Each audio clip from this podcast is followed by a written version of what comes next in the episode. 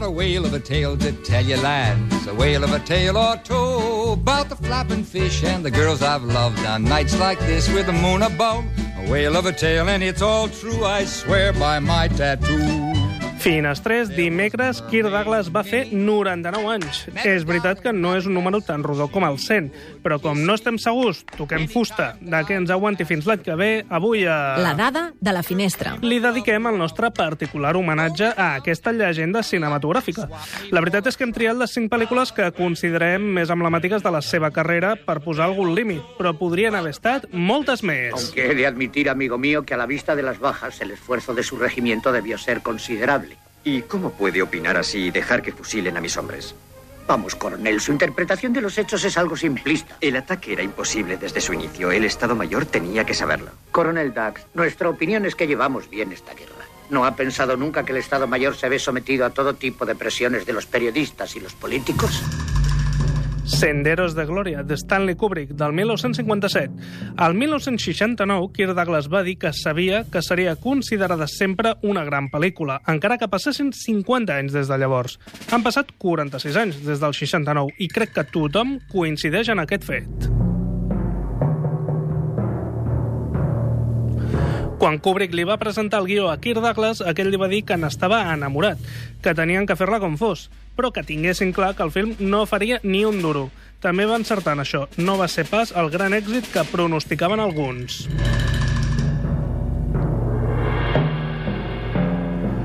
L'escena de la presó on els soldats discuteixen el seu destí va ser molt problemàtica. Es rodava a Alemanya. Kubrick, que era perfeccionista com ningú, portava rodades 63 preses i seguia sense aconseguir el to que volia. Finalment van interrompre el rodatge i li van dir que les hores extres no estaven permeses a Alemanya. Va aconseguir una mica de temps extra i a la 74a va anar a la vençuda. El film va ser considerat ofensiu en molts països. A França no es va poder veure fins al 75. A Alemanya van esperar dos anys més perquè no ho relacionessin amb el fet que els francesos eh, l'havien censurat dos anys abans. Finalment, eh, a Espanya van esperar fins al 86. Franco l'havia vetat anteriorment per antimilitar. ¡Hey, Laila! ¡Hey, Reina! Doy gracias a Odín por tu feliz regreso. Bueno, ¿dónde está? ¿Dónde está quién? ¿De quién crees que hablo? ¿De tu amiguita, la de las trenzas? Deja de gritar. Pareces un ciervo al que están asando vivo. ¡Ainar! Descargad el grano. Quiero saber por qué no has traído a la mujer que fuiste a secuestrar. La he traído. ¿Dónde está, pues?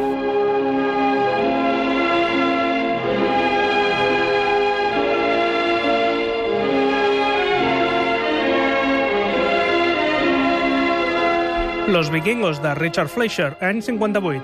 Ernest Borgnine interpretava el pare de Kirk Douglas. A la vida real, Borgnine era un any i mig més jove que el seu fill, entre cometes. La pel·lícula es va rodar a Kivenhart, Noruega.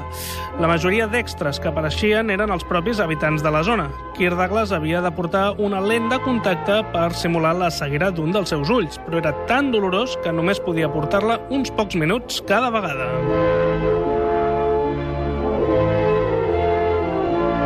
No va ser l'únic inconvenient. Tant ell com Tony Curtis van dir en una entrevista que el fred era gairebé impossible de suportar.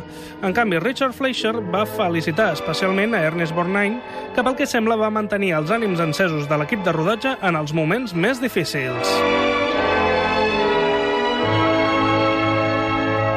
Ara ve una dada que és un spoiler majúscul, però és massa bona per deixar-la passar. En aquest film, Tony Curtis matava a Kirk Douglas, tot i que ho feia per compassió. Ells mateixos van pactar que el 1960, quan van rodar Espartaco, aquest cop seria Kirk Douglas qui mataria a Tony Curtis. Novament va ser per compassió. Voy a morir. Y el Nautilus morirá conmigo. Profesor, dígame. Dentro de breves momentos, una explosión, como jamás el mundo habrá podido escuchar, destruirá mi isla y también todos mis aparatos. Esa es la principal causa por la que he traído el Nautilus hasta aquí, para que se sumerja en su última morada.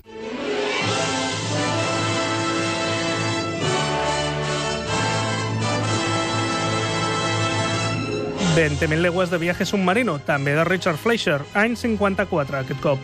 Les escenes subaquàtiques es van rodar a les Bahamas, exactament al mateix lloc on es va rodar la primera adaptació muda de la novel·la de Julio Verne al 1916.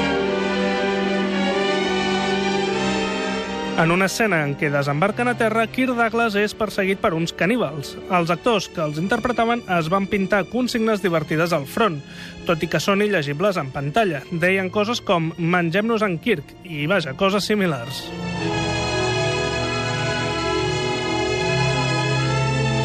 Aquest film va ser tan llarg i difícil de rodar que la Disney va haver de demanar ajuda a altres estudis.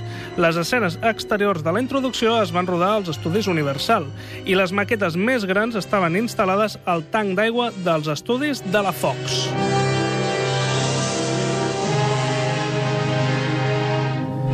Va ser un film històric en un altre sentit. La primera pel·lícula distribuïda per Buena Vista, la distribuïdora que va fer servir la Disney durant moltes dècades per distribuir pel·lícules no infantils. Perquè us feu una idea, pel·lícules com Armageddon o La Roca són de Buena Vista.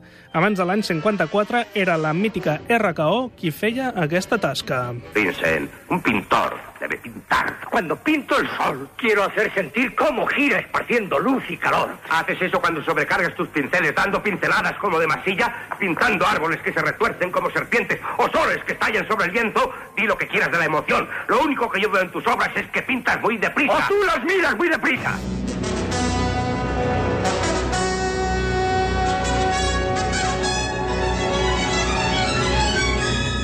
El loco del pelo rojo, de Vincente Minelli, al 1956, on Kirk Douglas feia de Vincent Van Gogh.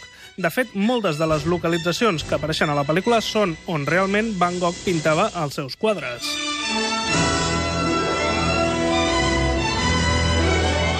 De fet, la llegenda diu que gràcies al tallat de cabell i al tenyit de pèl roig que el feien a Kirk Douglas tan igual que la gent de la regió d'Auvers, on ell havia viscut realment, pensaven que d'alguna manera el pintor havia tornat. Més llegendes. Diuen que un molt jovenet Michael Douglas va marxar xisclant del cinema el dia de la premier pensant que el seu pare realment s'havia tallat una orella. Les males llengües deien que Anthony Quinn li havien donat l'Oscar al millor actor secundari per aparèixer en només 8 minuts a la pel·lícula. La realitat és que sortia 22 minuts. Tiene buenos músculos. A ver los dientes. Abre la boca, Espartaco. Despide un hedor insoportable. Capitán, le has ordenado que abra la boca. ¿No te obedece? Los dientes es lo mejor que tiene. Hace apenas una hora le mordió la pierna a un soldado. ¿Le mordió? ¡Qué maravilla! Me hubiese gustado verlo. Me lo quedo. Guarda tus ímpetus para ella, Espartaco.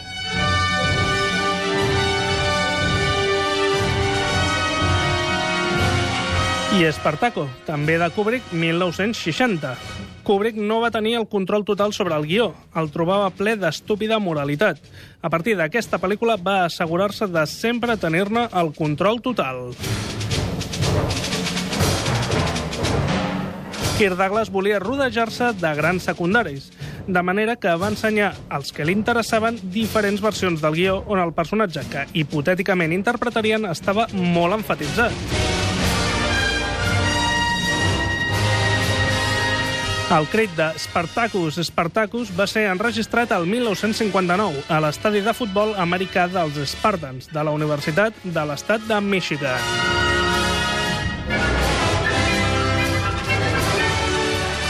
Peter Ustinov va guanyar l'Oscar al millor actor secundari per fer de Lentulus Batiatus. Ha estat l'únic Oscar que ha guanyat mai un actor per participar en una pel·lícula de Kubrick. Doncs ho deixem aquí. Felicitats, Kirk. Esperem l'any que ve fer 100 dades pel teu centenari. 99 anys d'Isur Danielovich Demsky, actor procedent d'una família de Bielorússia. Haguéssim pogut posar també Cactus Jack, oi, al fons? A mi m'agrada molt, però sé que t'hagués ofès. No, no. Em cau simpàtic Kirk Douglas fent de correcaminos, bip, bip. O El Compromiso, o Dues setmanes a altra ciutat, o Un extraño en mi vida, o Ulises, o Cautivos del mal, Río de sangre, El gran carnaval o El ídolo de barro.